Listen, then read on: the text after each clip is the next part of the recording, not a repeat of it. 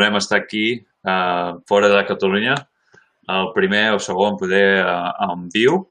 Soc l'Albert Turull, el vostre favorit americà català. És veritat, sóc un americà que parla català.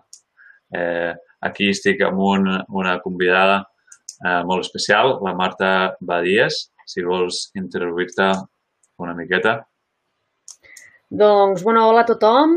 Sí, soc, com diu l'Albert, sóc la, la Marta, sóc catalana i de moltes generacions catalana, per tant, eh, he nascut i visc a Catalunya, eh, la meva llengua materna és el català i bàsicament en el meu entorn familiar eh, parlo català, en el torn eh, professional utilitzo, bueno, utilitzo el català i el castellà i visc a Barcelona des de fa molts anys. Um, originalment sóc d'un poble, d'un poble de l'interior de Catalunya, on bàsicament abans només es parlava català, no? només anaves pel carrer i només senties català.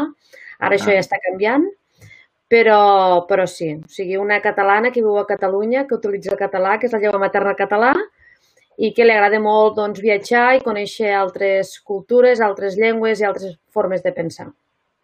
Molt bé i el, el català es, es, parla molt a Catalunya, clarament, però es, dius que està canviant. En quin sentit? Sí, bueno, es parla molt el que és fora de l'àrea metropolitana de Barcelona, no? O sigui, dins el que són més les comarques d'interior i el que s'allunya una mica de la ciutat metropolitana, doncs el català, evidentment, continua sent prioritari no? a l'hora de, de parlar. Les famílies, eh, amb els amics, a la feina, però sí que a causa de la immigració que, que, que estem vivint aquests últims anys, doncs eh, sents ja molt més castellà, no? almenys al meu poble. Jo quan era petita només senties català al carrer i ara també sents castellà i altres idiomes, no, no només sents també el castellà. Eh, L'àrea metropolitana ja des de fa molts anys doncs, eh, que ja el castellà està molt arrelat i realment moltes vegades la gent quan se t'adreça a tu se t'adreça en castellà més que en català. Mm -hmm. Quan veuen que parles català, llavors es continua en català, no? Però potser l'entrada més és en castellà, cosa que potser els pobles d'interior és al revés, no? Comences en català i potser pots passar al castellà. Però això està canviant una miqueta. Ara hi ha més eh, immigració, més multiculturalisme i i no és sempre primer català o encara ho és i a les escoles encara ho ensenyen primer català? Um, les escoles és en català, tot i que la llengua castellana hi és molt present en la nostra vida, perquè la televisió i realment doncs, aprendre el castellà per nosaltres no és gens complicat ni gens difícil, no? Mm -hmm. el castellà al català doncs, hi ha moltes paraules que, que s'assemblen i, i és una llengua eh, llatina que, que, que és molt similar, no? Per tant, per un català aprendre castellà és, és no, no hi ha esforç. Al contrari, el castellà és molt més fàcil uh, d'escriure, no? I, mm. i s'entén, l'entenem des de petits, no? Eh, llavors, doncs, el castellà doncs, uh, hi ha moltes més persones que, al món que parlen castellà i és la llengua que et permet poder parlar també amb gent no catalana i el castellà et pot comunicar, no?, amb altra gent. Mm -hmm. eh, el català, doncs a l'escola és en català, també he comentat que, que també el castellà també hi és present. De fet, al pati de l'escola, aquí a Barcelona, eh? estic parlant a Barcelona, al pati de l'escola, doncs, el castellà hi és molt present, a l'aula potser és en català i a fora, a nivell social, és més en, en castellà. Això canvia el que el mateix, no? Quan t'allunyes de, de Barcelona, eh, a les escoles i, i el que són els pobles, doncs el català doncs per sort encara, encara, encara és molt, és molt present, és molt present. Tot i que a poc a poc s'està canviant, eh, també una mica. I què, què, què els hi sembla a la gent eh, catalana? Que eh, hi ha diferents idiomes, eh, diferents cultures, o què t'assembla a tu? Mira, precisament a mi em fas una pregunta molt concreta perquè avui he tingut una experiència que pot servir a la gent que ens està veient, no? Mm. Um, a, a mi, jo, jo sóc una persona que com més idiomes es puguin parlar i aprenguis, millor. No? I quan més eines eh, tinguis per comunicar-te amb la gent, doncs millor. El que sí que és veritat és que penso que la gent que viu aquí almenys ha d'entendre el català. No? Ja no uh -huh. dic parlar-lo, que ja seria eh, un goig, no? que la gent també pogués, eh, pogués, pogués parlar en català, però almenys entendre'l, penso que això és, és, és primordial, no? I aquest matí he anat amb, amb una cafeteria a comprar un esmorzar al centre de Barcelona, via la Lletana, perquè ho conegui, i estava parlant en català i la noia que m'estava entenent no m'estava entenent absolutament de res, no? Clar, una persona que treballa i està de cara al públic, ja no li dic que em parli en català, però que m'entengui, no? Jo, mm -hmm. és com si tu vas a França, no? I, i, i no pots i vas a comprar en un supermercat o en una cafeteria i parles francès i, i el que t'està tenint no t'entén. O sigui, yeah. no, no, no, és com, no, no, és difícil d'entendre, no? Mm -hmm. Aquí està passant això, aquí està passant. Llavors, doncs, ha un moment que la companya li ha tingut que, que dir-li en castellà, jo he tingut que passar al castellà, no? Sí. Llavors, això sí que a mi, eh, com a catalana, em molesta. Em molesta que no m'entenguin i que jo no pugui utilitzar la meva llengua i que no m'entenguin, no? Ja, ja. Eh, pues, el segon pas per mi seria interessant i important que també que el poguéssim parlar. Però bueno, aquí ja no arribo. Només que m'entenguin i que jo pugui, a la meva terra, pugui parlar el català tranquil·lament, doncs eh, per mi seria ja. un pas important. Un pregunto perquè aquí als Estats Units hi ha molt... Eh, hi, ha, hi ha gent que eh, només parla en anglès, no? Perquè l'anglès ara ja fa 200, mm, 150 anys, 200 anys, dos, eh, sí, 250 anys, que és l'idioma principal. Però hi ha molta immigració espanyol i l'espanyol comença a ser la llengua que, que es parla o eh, es conversa. Um, en molt, uh, encara en molts llocs, la majoria és encara tot en anglès, no? Però a alguns llocs ja comença a ser l'espanyol. I doncs hi ha gent aquí que està molt...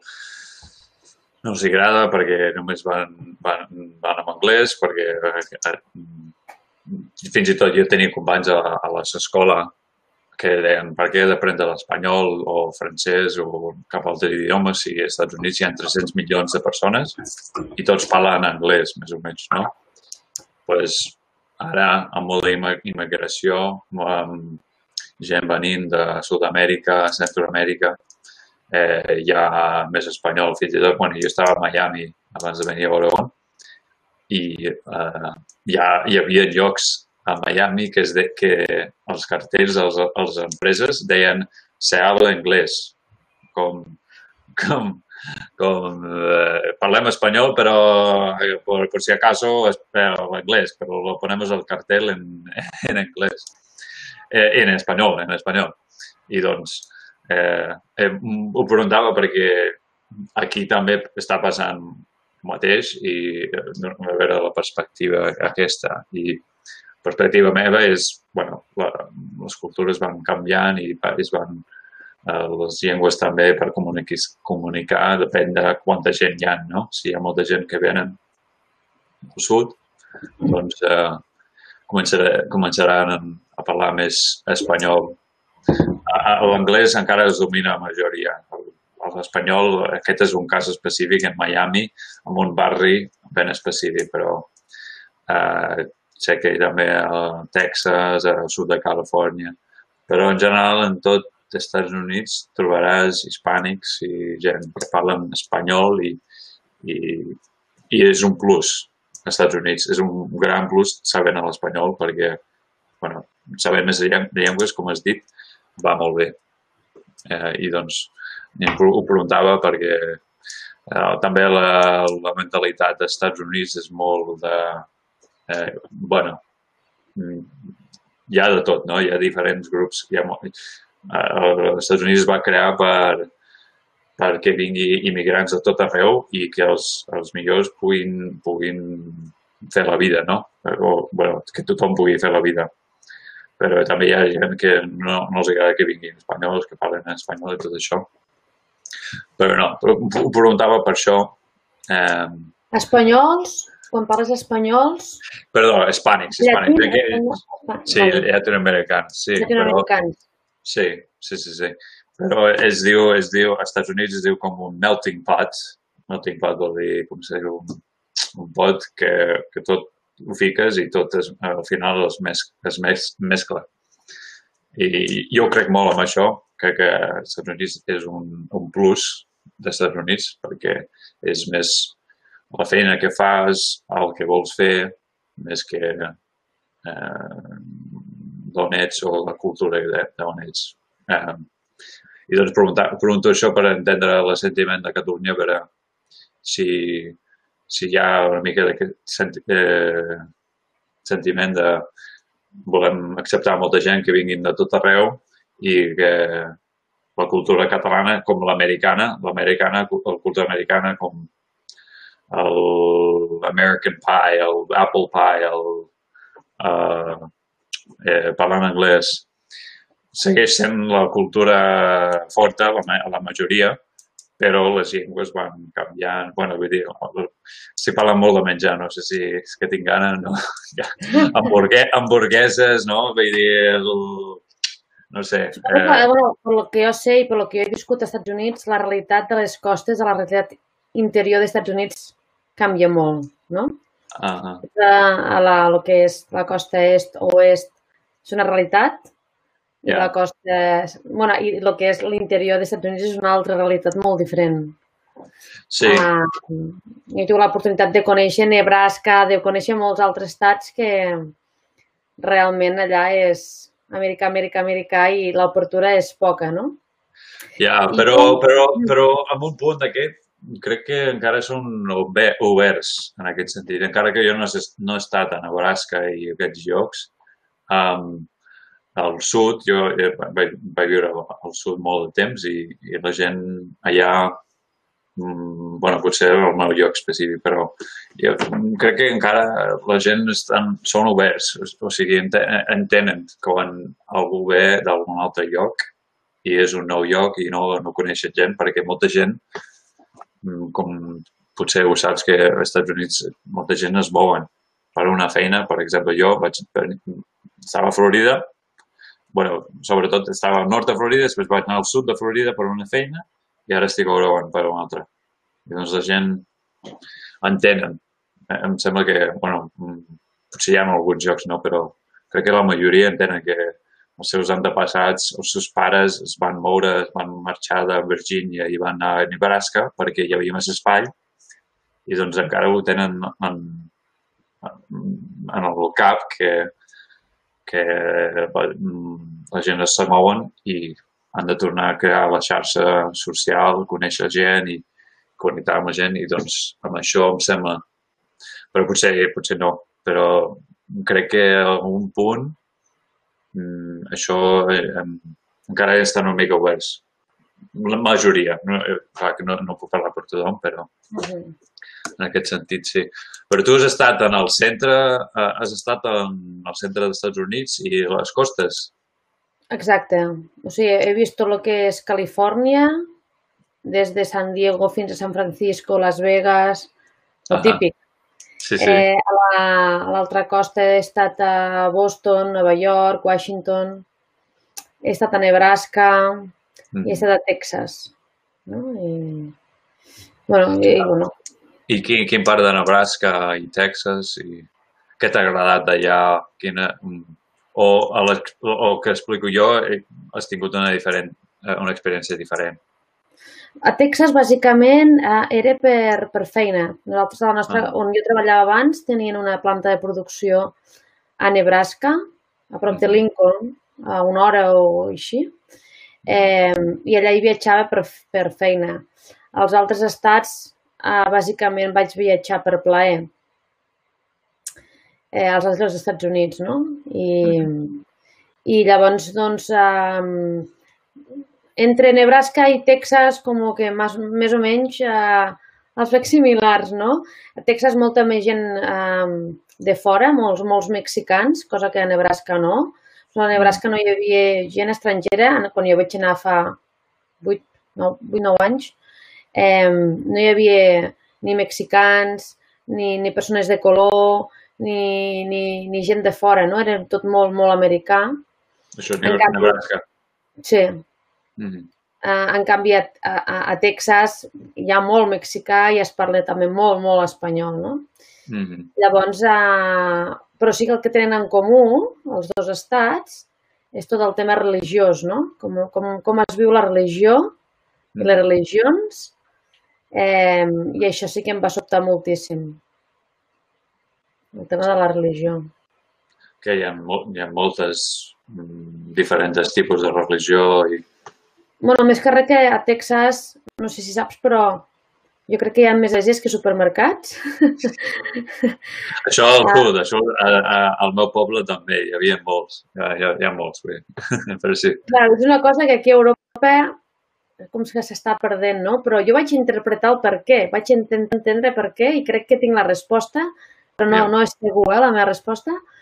Tinc, Llavors, jo... a, Texas, a Texas i a Nebraska, doncs, uh, hi ha moltíssims... O sigui, a Texas hi ha moltes esglésies, um, ja et dic, més esglésies que supermercats, del meu punt de vista, o sigui, és, és, i, i la macroiglésia, no? aquella església gran per a, perquè hi hagi molta gent i hi vagi molta gent i hi ha esglésies des de, de tot tipus, no? cristiana, no, no cristiana, a, bueno, qualsevol, no?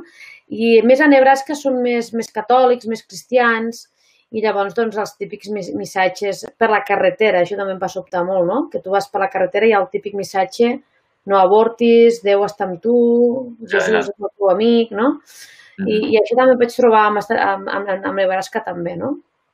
Mm -hmm. I jo crec que em corregiràs, tu que ets americà i potser coneixes més que jo.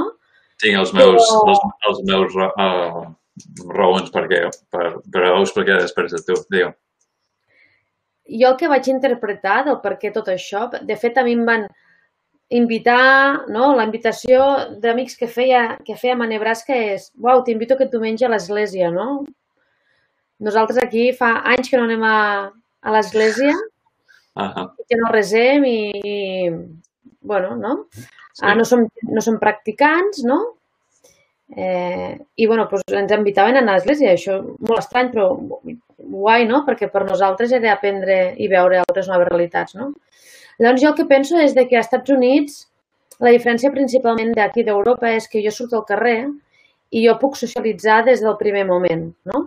Puc anar a la panaderia, puc anar a la cafeteria, puc anar al meu barri, conec gent del meu barri, conec mm, bueno, veïns, eh, i llavors és més, ens és molt fàcil socialitzar. Als Estats Units eh, vius en cases, vius amb, com en més urbanitzacions, vas amb cotxe a comprar al supermercat, eh, hi ha un mall, no?, o, o un lloc on hi ha diferents establiments on pots agafar i agafes el cotxe i tornes cap a casa, no? És molt més difícil socialitzar i crec que l'Església fa aquest paper de socialitzador en la qual la gent es troba el diumenge, la gent es troba... Fins i tot hi ha activitats de comunitat, la gent es recolza molt, molt i, és com una comunitat en la qual estàs protegit, coneixes gent i pots socialitzar, no? O sigui, a part de, de lo que és uh, la religió no? i la pràctica de la religió, jo crec que té un altre, un altre factor que és aquest, aquesta part socialitzadora, no? De poder fer amics a l'església, compartir, no? I, i em sembla mm. que va per aquí el tema. Sí, eh, estic d'acord amb, amb alguns punts aquests. Eh, per, per mi és eh, un, un part és històric i l'altre part és el, això, el social eh, que, que tu dius, que eh, estic més o menys d'acord. Eh, però la part de, que tu pots socialitzar amb gent de, del carrer, però tu estàs parlant amb gent, de gent que ja coneixes, no? Per, per dir, no. no. No, però aquí a Barcelona, per exemple, jo quan estic aquí, tam... una cosa és sortir al meu poble, que llavors ja conec gent des de l'escola i trobes yeah. que van pel carrer.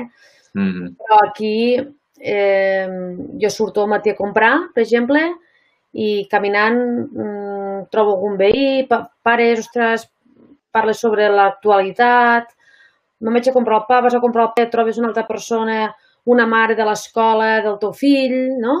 O uh -huh. trobes, no sé, no? Uh, vas trobant gent que, que et trobes habitualment i pares un moment i fas la xerrada, no? I sociabilitzes, no? Mm -hmm. Ja no dic si tens amics no? al costat o amics de veïns, que llavors doncs, és, és més fàcil, no?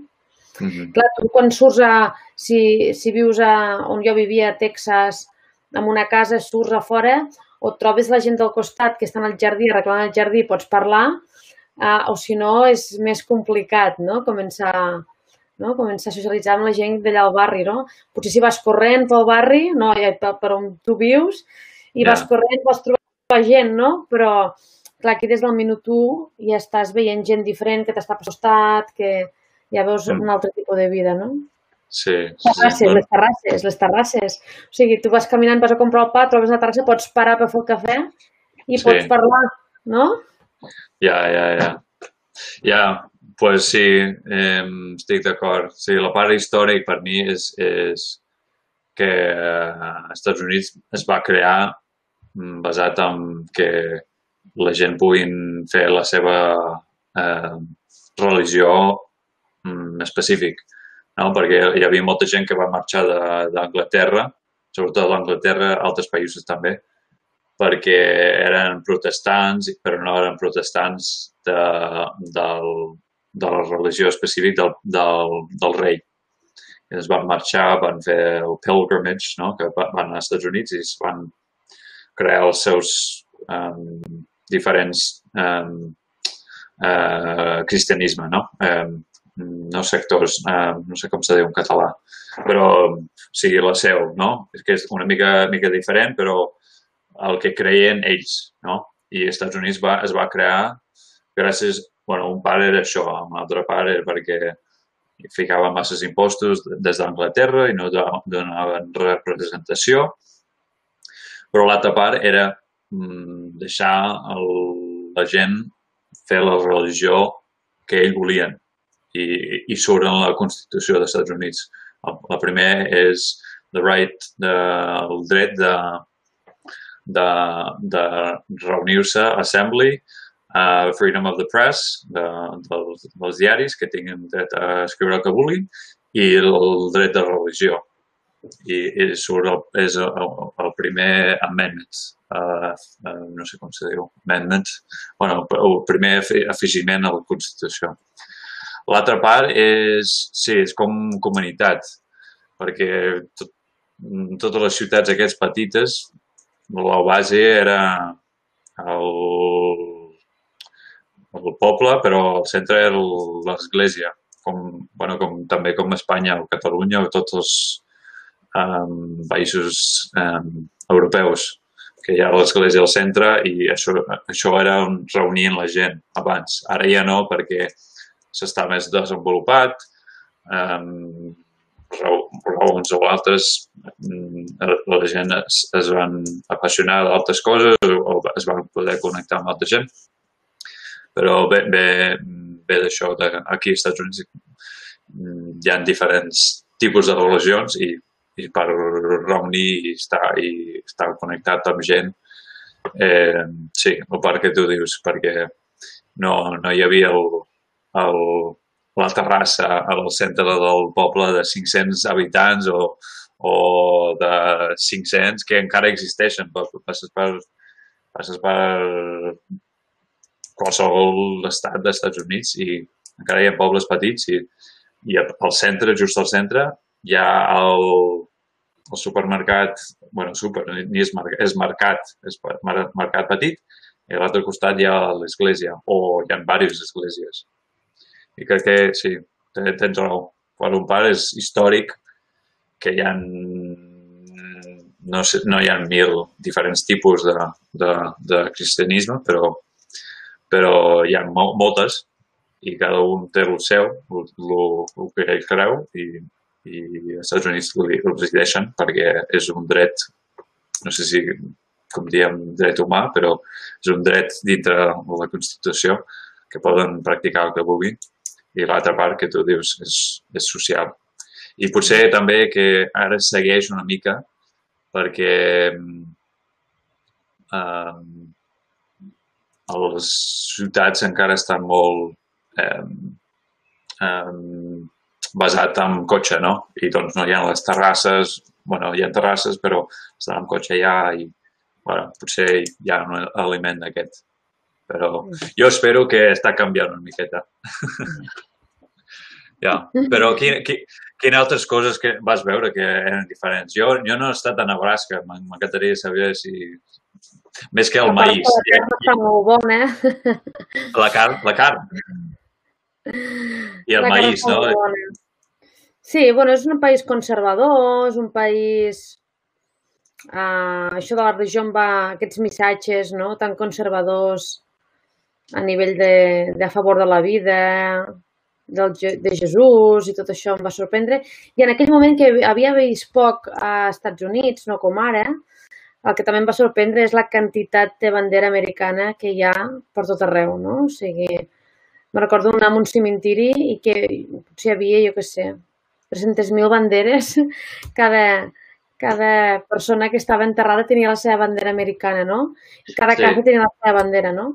Aquí encara no havia arribat el moment independentista quan jo vaig veure això uh -huh. i ara aquí també veiem molta, molta, molta bandera al balcó, no? Mm -hmm. I això també em va sorprendre. Dic, uau, dic, aquí la bandera va tot arreu amb la bandera.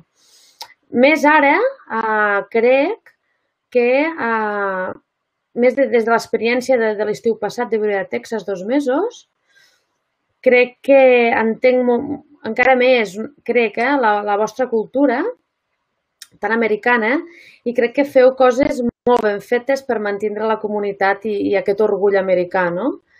Com, per exemple, tu vas a qualsevol espectacle i a Texas a Fort Worth, que està, és una ciutat al prop de Dallas, sí, sí. Uh, un espectacle de cowboys, no? I, el primer que surt és una noia amb l'himne americà, una noia yeah. pujada davant del cavall, amb una gran bandera, tothom, uah, no?, està vivint intensament el moment, sí, sí. eh, llavors tothom s'aixeca, la mà al cor, tota aquesta escenografia, no?, Sí, sí. Molt interessant, però a nivell sociològic també és molt interessant, mm. perquè això fa guanyar adeptes, perquè hi ha tota, tota una metodologia, no? Tot, tot, la cançó, la bandera, pam-pam, l'orgull americà. I després, evidentment, uh, hi ha una cosa que em sembla molt interessant, tot i que no acabo de compartir en el fons, no? que és que quan s'acaba aquesta escenografia no, americana um, es demana si hi ha algun veterà, no? I doncs s'aixequen els veterans, la gent els aplaudeix i la gent, no? Uh, clar, aquí que en el fons aquí darrere és com una mica maquiavèlic, no? des del meu punt de vista, perquè, clar, estàs com honorant a persones que han anat a la guerra, mm -hmm. a persones que han anat a una guerra on hi ha hagut morts de gent i, i, i, i per l'americà és super, bueno, és un orgull brutal haver servit, no?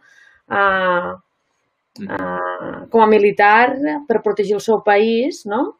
Però tot això implica guerra, implica conflicte, implica armes, implica morts, implica... Tot això sí. no, no, no, no, no sorgeix no, i, i només es veu no, aquest patriotisme i, i, i venerar la gent que és veterà i que els ha, els ha defensat els americans, no? I que has anat a la guerra per defensar les nostres famílies. Jo crec que això també té, té molta de tradició, no? Quan els americans van arribar no? a Estats Units, no? que havien de defensar la seva terra, no? Sí. Jo, jo m'imagino les pel·lícules aquelles que arribaven i clavaven una, una bandera no? dient aquesta terra és meva no? i llavors amb l'arma havien de defensar perquè ningú es quedés al seu tros de terra. I llavors crec que tot això, a, a través de la vostra història, ha anat quedant, no? I ha anat quedant amb, amb, amb aquestes coses, no? De defensar el vostre territori, ens ataquen, uh, yeah us ataquen, bueno, més aviat ataqueu, no? I, sí. Més, no? Ja, no, aquest fenomen de, abans del, del rodeo, de, dels cowboys i tot això, per mi, per mi jo, jo anava als partits de futbol americà i en tots els partits fiquen l'himne i fan, fan tot això el mateix. Crec que això ve, mm, és més recent, crec, perquè abans era... És interessant, Albert, perquè a nivell sociològic, no, si tu i... diré, dius, uau, és que, clar, estàs mantinguent una comunitat, una societat amb uns ideals, o sigui, estàs treballant molts aspectes, eh, la societat, fent això. No, i, i té molt, molt, molt, molts beneficis, jo crec, mm. que, perquè mm, eh, vas amb una compet um, competition, un, um, un, un partit, i és entre dos equips on dos enemics que els, es odien, és com un Barça-Madrid, però primer es canta l'himne dels Estats Units perquè se recordi que tots som americans primer i que, que tot el reste és secundari. Això m'encanta, m'encanta això que feu. Trobo molt sí, bé. Sí. No, i, i, i crec, crec que està molt bé i, i, i ho, ho fan bé i, i això dels, dels veterans també està bé I, però crec que no és tant com a la guerra, estem molt contents de tenir guerra i tot això, però és més aviat que aquesta gent han sacrificat, han fet sacrifici Sí, sí. per, per, per defensar els, el nostre país i nosaltres que no hem anat a la guerra, no? Perquè No, no, no, no, no, potser m'he expressat malament. No és tant que la gent No, estigui no. contenta, sinó Ja. que d'alguna manera a, a, accepteu, no? O sigui, Mm, a una sèrie de, de guerres, no? O sigui, per una banda esteu orgullosos perquè us han defensat, mm, però no veieu l'altra part, no? I l'altra part és de que ja, on ha anat aquella persona, segurament ha mort persones, ha mort famílies, ha mort fills, ha posat bombes, no? I Ja. és l'altra part la que crec que no, no es posa en evidència, no? Només és Sí. la part vostra de ens ha defensat i és una Ja. part simplista de tot el tema, no? ja, ja, per això dic, dic que mm, està bé per un punt per dir gràcies que van, van, van fer aquesta feina, però per una altra part, sí, també no es parla que mm, fent tantes guerres i tot això no està bé, no? Hi ha, molt, hi ha molts americans que estan d'acord amb això, però igualment entenen que hi ha veterans que van fer-ho per, per, bueno, un raó o l'altre, però donem, donem les gràcies. Sí, Però sí. això, Normalment les Aquest- guerres són per interessos econòmics i les Ja. guerres són per interessos. Ja, perquè anar a Iraq, anar a Afganistan, anar a Vietnam, anar quan va tocar tot això, o sigui, queda, us quedava molt lluny del vostre país també, no? Ja, no, no, molt, molt lluny i, i no, i, bueno, hi ha, també hi ha gent que no estan d'acord d'aquestes guerres, no, no. Però el, la cosa que això està bé i, bueno, jo també estic d'acord, bueno, d'acord en un sentit de que donem les gràcies a, a aquesta gent que han, han, ho, han, ho han fet sense o- obligació, perquè això és, eh, eh, crec que és recent, potser no estic Bueno, correcte, però dir- la, la història, la història d'aquesta la història Sí, sí. aquesta ve, ve, de, ve de que abans era obligatori. Eh, el, a la guerra de Vietnam era, hi havia el, no sé com se diu en català, però draft, el draft, que era obligatori si, si t'escollien era. el nom, i això fa només 40-50 anys. I es va fer moltes eh, protestes per això, perquè Ara no és obligatori. però incentiveu molt, eh? Quasi, quasi, no és obligatori, però per molta gent és obligatori fer-ho perquè aconsegueixen mútua mèdica, aconsegueixen entrar a la universitat, aconsegueixen molts beneficis.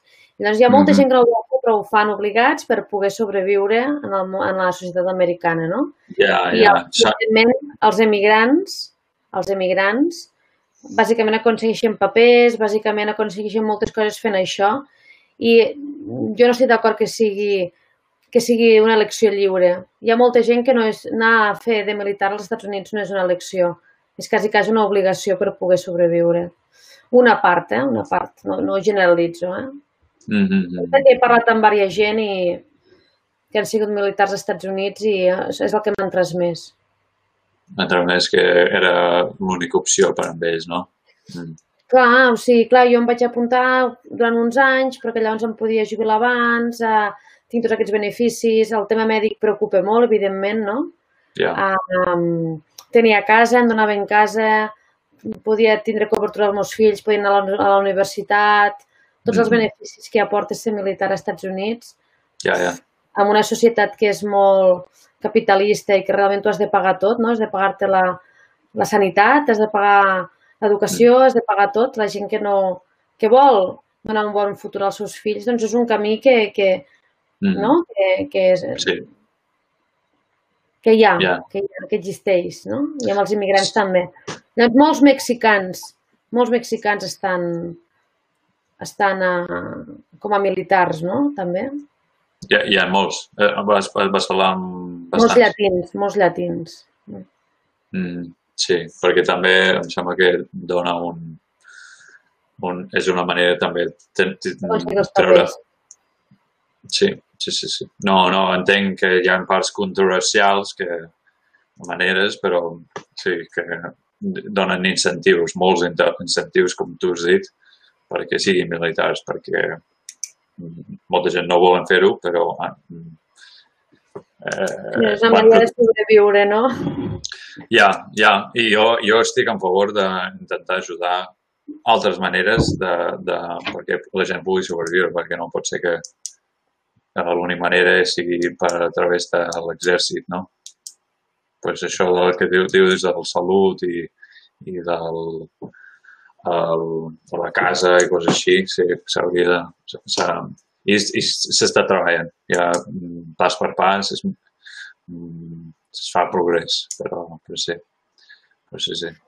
El, el sentit molt simple del donant les gràcies, jo ho entenc i, i estic d'acord, però entenc que hi ha altres parts que, que sí, sí, que, que els incentius pues, mm, fica gent en un, un que no tenen altres opcions han d'anar allà i, i sé que no, no, no, no, no està bé. S'ha de, de canviar, però ja. ja, ja. I, i de, què, de què treballes? I vas, uh, vas anar a Texas per, per la feina? Que, uh, de què va la mm. història? Sí, um, vaig anar a Texas per, perquè tenia ganes de conèixer més la vostra cultura. Mm -hmm. uh, I amb un viatge de visitar no, no, no, no vius realment no? i no coneixes realment la cultura americana, però si estàs dos mesos la comences a conèixer més, no? I més mm -hmm. si mhm. fas amistats i, i t'inviten a les seves cases i veus què fan, com ho fan, com viuen, no? Com mhm. viviu. Llavors, un, un objectiu era aquest i l'altre objectiu era que els meus fills aprenguessin, estan aprenent anglès.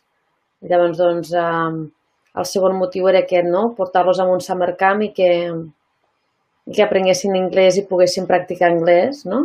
I ah. poguessin una altra cultura, també, no? I, i de fet, ells van, van viure i, van, i feien preguntes com has vist, mama, que aquí fan això, no?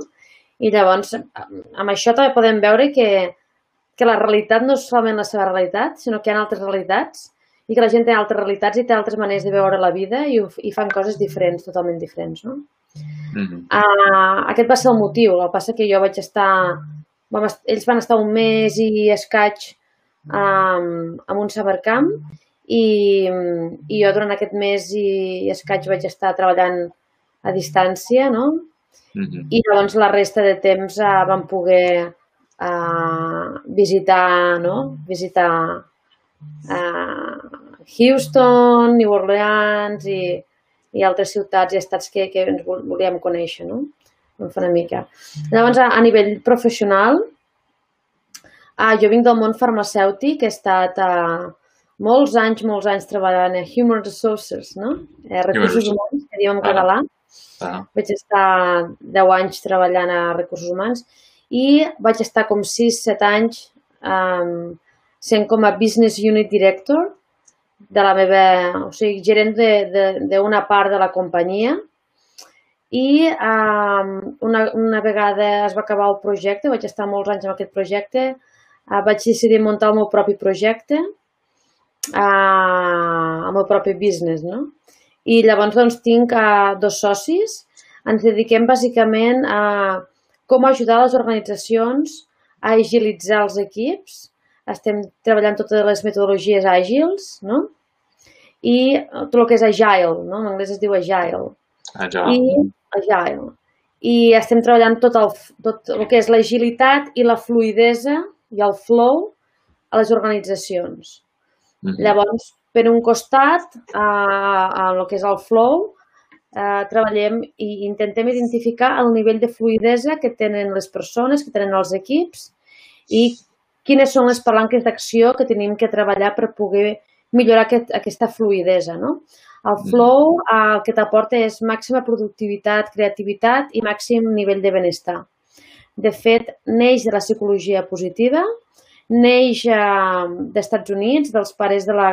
Que hi ha uns pares eh, creadors de psicologia positiva com Martin Seligman, uh, Daniel Goleman i el Mihaly. Mihaly és el, el que va crear tota la ciència del flow, està actualment investigant a la Universitat de Claremont, que està a una hora i escaig de, de Los Angeles, -hmm. i doncs tota la, tot el model és el que nosaltres estem aplicant, el model de fluidesa, estem aplicant a les organitzacions. Des de primer, una primera fase d'identificació, o sigui, tenim una plataforma tecnològica que podem identificar quin és el nivell de fluidesa que tenen les persones als equips, fins després a un model d'intervenció de com podem millorar aquest flow, no? aquesta fluidesa que, que tenen els equips, que bàsicament el que estem buscant és màxima productivitat, però sense oblidar-nos de, del benestar, no? perquè hi ha moltes mm. corrents a les organitzacions que només treballen el happiness, el happiness, el happiness, però no estan treballant el performance. No? I amb el sí. flow pots treballar els dos conceptes. I això forma part, el flow, de lo que és la... Nosaltres ho englobem a l'agilitat organitzativa. Llavors el que fem és treballar doncs, com agilitzem les organitzacions des d'una part de l'agilitat organitzativa, utilitzant la fluidesa i, i tot el tema cultural, l'estructura, etc etc. I per un altre costat treballem el que és l'agilitat tècnica. No? Doncs aquí el que estem fent és eh, bueno, treballar Kanban, Scrum i moltes altres metodologies que hi ha a nivell tècnic. No? amb l'objectiu d'agilitzar les organitzacions, de transformar les organitzacions, de fer canvis culturals a les organitzacions. Treballem des de team leaders fins a equips multidisciplinars, treballem des de l'àrea de formativa a l'àrea més interventiva i treballem també tot el que és el tema de talent dins les organitzacions, no? tot el que és és el, el talent i, i la detecció de talent i tot això. No? Llavors, doncs, ara estem en un punt a, a la nostra empresa d'obertura a nivell, no? de sortir una mica de les fronteres d'aquí, de Catalunya. De fet, estem entrant a, a Colòmbia, estem entrant a Panamà, estem entrant a, a Llatinoamèrica, tenim una entrada interessant, però eh, volem posar un, una pota, no? volem posar un braç als Estats Units Eh, primer perquè també eh, la vostra cultura, la cultura americana, és una cultura realment doncs, de inno innovadora, creativa, de oberta no? a provar altres coses. Aquí la nostra cultura és molt més jeràrquica, molt més waterfall, no? molt més estructurada i costa molt trencar aquestes estructures. -huh. En canvi, la, la cultura americana és una cultura doncs, que tot això absor ho absorbeix molt molt més fàcil i estan molt més oberts a poder fer tots aquests processos, no? I llavors, doncs, volem, volem a nivell comercial i de business a entrar als Estats Units, a, volem trobar persones que els interessi el projecte i que vulguin col·laborar en el projecte per poder començar a treballar amb les empreses dels Estats Units, no? Mm -hmm. I el producte és, és un software o un tipus... Eh, eh, no, no, no, no, he entès... Sí. Uh, sí. Mira, en, en el Flow sí, en el Flow tenim un, una plataforma tecnològica, en diem, de mm. medicions, no? de, de tests, en el vale. qual doncs, uh, està tota preparada també en anglès. Vale? Mm. Llavors el que fem és, és això, no? o sigui, identificar a, a nivell d'uns KPIs i, i unes medicions i tal, doncs uh, identificar numèricament, no? medim què està passant, primer medim, fem el diagnòstic i després treballem amb els equips, no? Llavors, al nivell de flow sí, i a nivell d'agilitat també podem identificar, uh, no ho fem a través de plataforma tecnològica, ho fem amb altres, amb altres eines, però el que fem també és identificar el nivell d'agilitat que té l'organització i, i, i ajudem no? a través de canvis culturals, primer des d'una agilitat organitzativa, per a poc a poc anar introduint aquesta agilitat tècnica i ensenyar maneres noves de treballar. No? Des de no una, des de no una estructura, des de treballar per cèl·lules, eh, des d'una mentalitat de transparència, des d'una mentalitat molt, molt més agile, no? molt més agile. Mm -hmm. I llavors doncs, incorporem també dins el projecte doncs, Agile Coach, incorporem perfils Scrum Master i introduïm altres tipus de perfils que, que ajuden també a la transformació. Doncs sí, tenim part tecnològica, Sí. Tenim part formativa i tenim part consultiva interventiva. Molt bé. Molt bé. I, i però es comença amb el, la part eh, examen, o sigui, fent un... un... Depèn, depèn. O sigui, hi ha, hi ha gent que, que... Hi ha empreses que, que volen anar a poc a poc perquè el canvi cultural és molt, és molt gran, no? I les resistències mm. poden ser molt. Per tant, comencem a treballar doncs, amb l'equip directiu, per exemple, o podem començar a treballar en una àrea en concreta, en un, en un departament, i comencem a treballar doncs, amb aquests equips. No? Primer els formem, els expliquem què és Agile, el que representa, i comencem a fer, a trencar mindset. Comencem a trencar pensaments no? per incorporar nous, nous aprenentatges. Eh, amb tot això, doncs, eh, amb el tema d'Agile, doncs, eh, fem projectes a vegades doncs, que ja comencem directament molt més forts o que comencem més a poc a poc, no? perquè yeah. l'organització vagi assumint tots aquests canvis mm -hmm. i com veiem que, i, i paral·lelament amb aquest, amb aquest moment estem utilitzant tot el que és el flow, no? Anem medint, no? Per saber com està vivint tot això l'equip, què li està faltant a nivell de, de, de soft skills, quins treballs hem de fer a nivell de soft skills, com anem treballant i anem preparant aquest equip, no? Perquè puguin sí. assumir aquests canvis de mentalitat, aquest canvi de mindset, adquirir nous aprenentatges, nous rols, i això, el flow ens aporta doncs, a, també tot això, no? I que, que tinguem indicadors de que la productivitat està, està realment augmentant i que també el nivell de benestar, que també és important, no? Nosaltres tenim un lema que és people first, o people flow, no? Mm -hmm. que són persones amb fluidesa, no? que són persones contesten benestar, productives, creatives, però també han d'estar motivades i han de sentir benestar les organitzacions. I també treballem tot el tema de benestar. I ara últimament hem incorporat una, una nova àrea que és tota el que és la cura, en diem en català cura emocional, no? el benestar emocional, cura emocional, en el qual treballem a través de tot el que està passant, del Covid i tal, doncs la gent està amb uns nivells alts d'ansietat, d'estrès, de burnout, no? I, i llavors estem treballant tot el que és la cura emocional de l'equip i tot això, no? Com, com, com, com, com acceptar quins aprenentatges estem fent, com agraïm no? tot el que estem vivint i els aprenentatges que hem tingut. I llavors, doncs, bueno, estem fent programes també de benestar. I ten, tens exemples de, de, en, que, que heu fet. Eh, això sempre amb, amb empreses, no? Eh, no, no ho fas amb personal, amb gent específica, és empreses que us contracta i feu el que mm, feu un, un package custom per específic per, per a ells, no? De fet, el model, el model eh, empresarial que tenim, no? el model de negoci que tenim, hi ha una part de business to consumer, hi ha una part de business to business. Ah, Llavors, um, a la part de business to consumer sí que és, bàsicament són formacions, són training, no? És, són mm. programes d'aprenentatge al qual estan en obert per la gent que es vulgui apuntar amb, amb aquests cursos, no? amb aquests, a fer aquests aprenentatges i llavors, doncs, uh, a nivell individual la gent s'apunta a fer, a aprendre, perquè hi ha molta gent que vol aprendre per, per ell poder-ho fer a la seva pròpia companyia. Mm -hmm. Llavors nosaltres, eh, en aquest cas, som una gent que acompanyem no? amb aquesta persona que si vol fer això a la companyia, després de, de la nostra formació, sempre estem allà per poder-lo ajudar en tot el camí. No? Um, per un altre costat, en business to business, sí, són companyies que, que ens contracten no? Mm -hmm. I, i llavors doncs, fem un treball directament amb ells des de la part formativa a la part a tot, no? a tot el procés.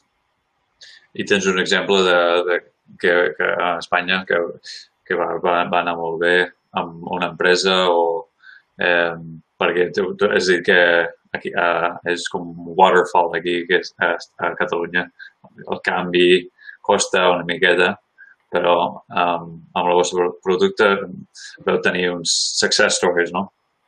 Sí, de fet, um, estem treballant amb diverses companyies, estem treballant des de l'administració pública també i amb companyies privades i, per exemple, un projecte que està sent molt, molt agraït és, estem treballant amb una biotec que, que està, doncs, a, no, no és molt gran, és una empresa mitjana, uh, però que, que tenen ganes de, de canviar gent molt jove, no?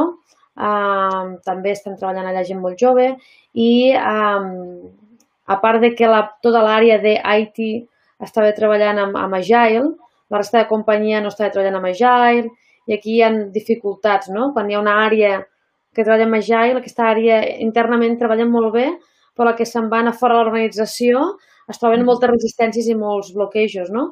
I llavors, doncs, a, ara estem intentant equiparar, no? intentant treballar amb la resta de companyia perquè no? tothom tingui el mateix nivell i hem començat a, a formar amb Agile.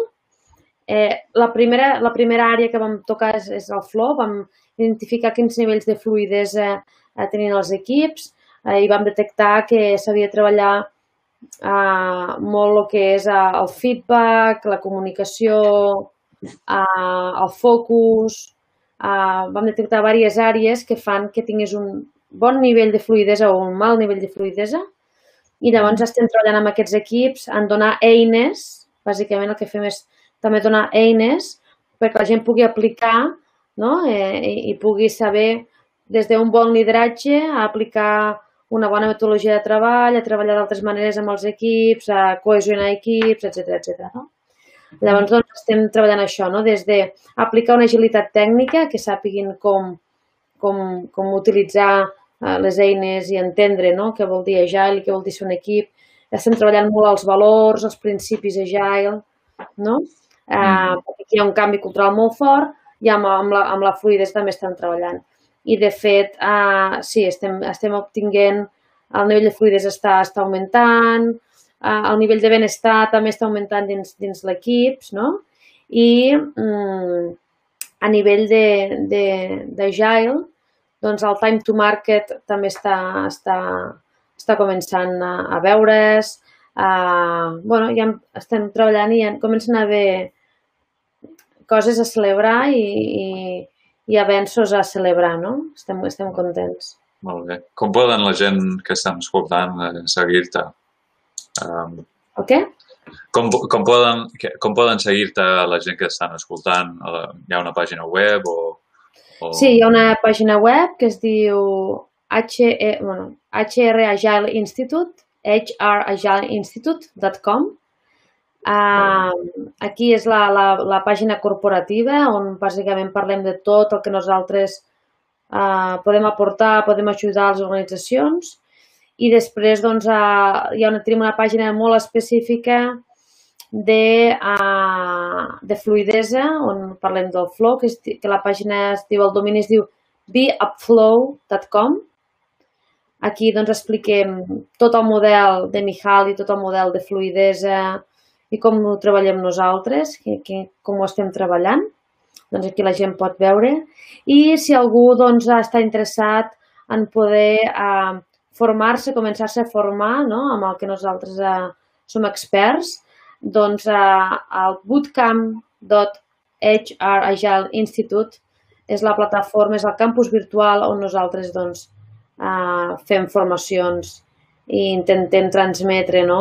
eh, i que la gent aprengui sobre Agile, sobre Flow, sobre totes aquestes coses no? i comenci a descobrir perquè aquí a, a Europa és, és, és, és, està sent no sé si una moda, però s'està posant molt en boca, la gent està parlant molt d'això i més després del Covid, la gent té una necessitat d'agilitzar, no? d'agilitzar estructures, d'agilitzar equips, yeah. poder realment donar un servei al client, perquè ja ho va d'això, va de realment posar el focus al client i a les necessitats del client, no tant en jo tinc aquest producte i intento vendre'l en qui sigui, no? I buscar el meu consumidor. Uh, amb ja funciona diferent, no? I llavors, doncs, uh, uh, al bootcamp.hragilinstitute.com um, hi ha tota la part formativa que, que expliquem uh, durant les formacions, vivències, el que estem aprenent, el que estem fent a les organitzacions, casos d'èxit. I, I, i són, són vídeos, vídeos, àudios...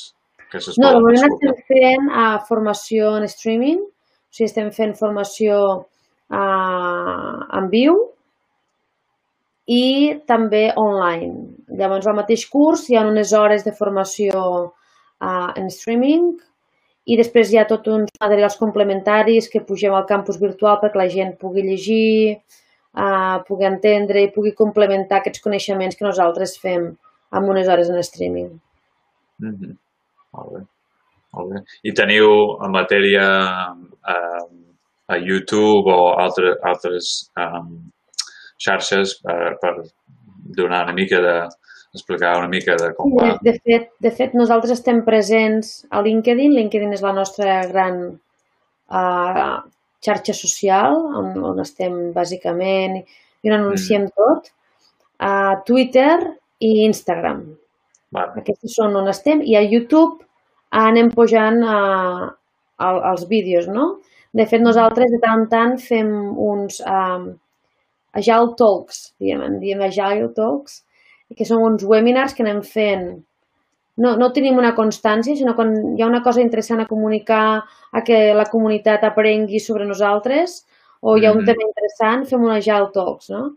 Doncs són webinars uh, que anem anunciant uh, i que són gratuïts, en el qual podem explicar des de un cas d'èxit, uh, podem explicar com una organització pot començar amb el temes d'Agile, um, va venir també una empresa a explicar com estaven incorporant i els resultats que estaven obtinguent del tema d'agilitat, parlem sobre innovació, sobre temes de digital, bueno, parlem una mica de tot. I llavors aquests, aquests, aquests uh, ja autors, aquests webinars són gratuïts i els pengem, els pengem a YouTube. I també, eh, si, si, si la gent es, pot, es vol donar d'alta al campus que tenim, no? Bootcamp, El volcà. HRL, no? .com, Mhm. Doncs aquí també et pots donar d'alta gratuïtament i pots accedir a l'àrea d'Agile Talks i allà anem penjant no? tots aquests seminaris que anem fent. Molt bé, molt bé. I quin, quin, quin part t'agrada més de, de, de, de la teva feina? Quin, quina part m'agrada més de la meva feina? Sí, sí, sí.